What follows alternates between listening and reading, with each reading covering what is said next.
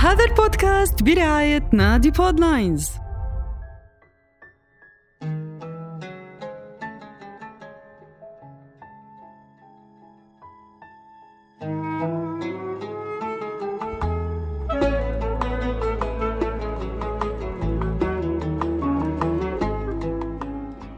السلام عليكم ورحمة الله وبركاته. وعليكم السلام ورحمة الله وبركاته. أهلا بيكم في حلقة جديدة من بودكاست لكلكة إعداد وتقديم آية هاني. كل سنة وأنتم طيبين ورمضان كريم علينا ويا رب يا رب توفقنا فيه جميعا لصالح الأعمال. آه، بما إننا في رمضان وكل البيوت والشوارع والمحلات علقت الزينة والفوانيس فبصراحة قلت ما ادخلش عليكم بإيدي فاضية خصوصا بعد المدة دي كلها. ولو مش هعرف أجيب لكم فوانيس يبقى على الأقل على الأقل أحكي لكم حكايتها.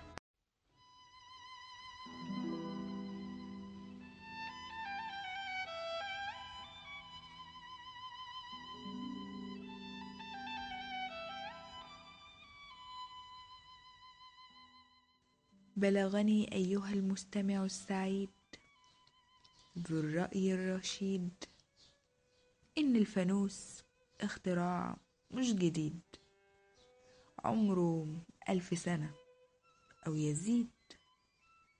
بيقولوا إن في سنة 350 من الهجرة خرج المصريين في موكب كبير في الصحراء الكبار والصغار رجال ونساء من كل الأعمار يعني على سبيل الترحيب بالخليفة الفاطمي الحبيب اللي جاي للقاهرة من المغرب الشقيق وعايزين نستقبله وننور له الطريق.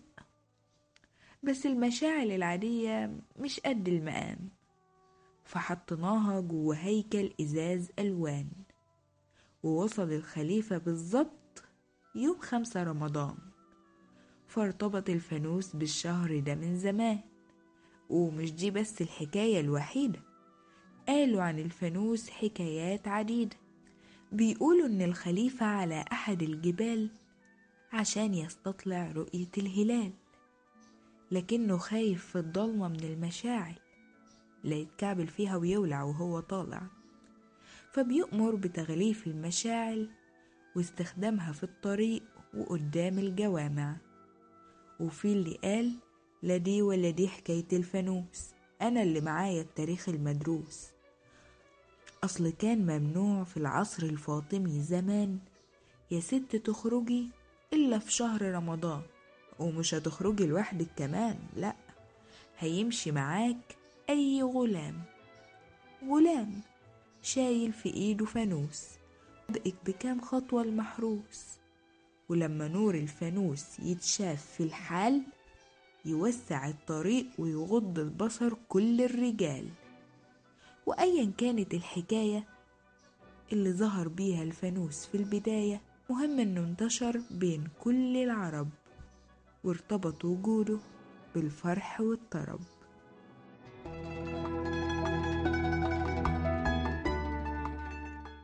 ولأن لسه معانا وقت هحكي لك عن المدفع اللي بيضرب مع المغرب بالظبط.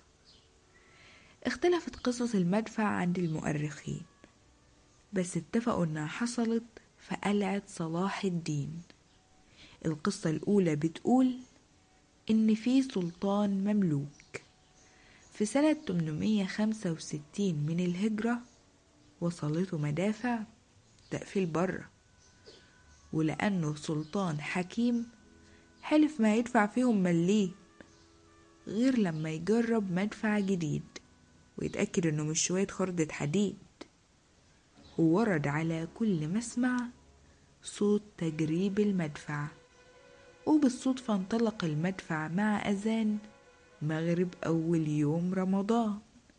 فظن الأهالي إن عم السلاطين ضرب المدفع لأجل ينبه الصايمين.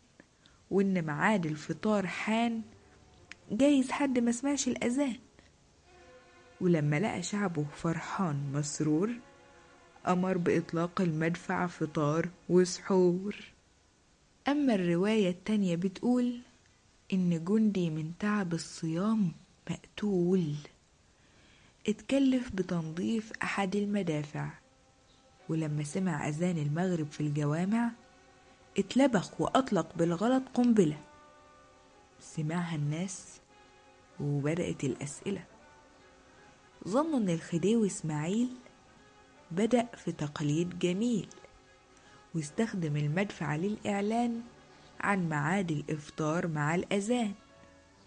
ولما عرفت الأميرة فاطمة بنت إسماعيل باللي حصل كانت الفكرة على قلبها زي العسل.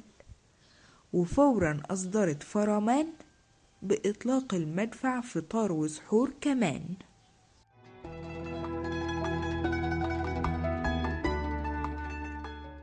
وسكتت آية عن الكلام عشان تلحق تتسحر قبل الأذان. آه بالمناسبة ما عندكش فكرة إني بالعافية قدرت أوزن القصص دي على قافية؟ وعشان أكمل اتفضل اعمل شير للحكاية. عشان تعاطفك لوحده والله مش كفاية.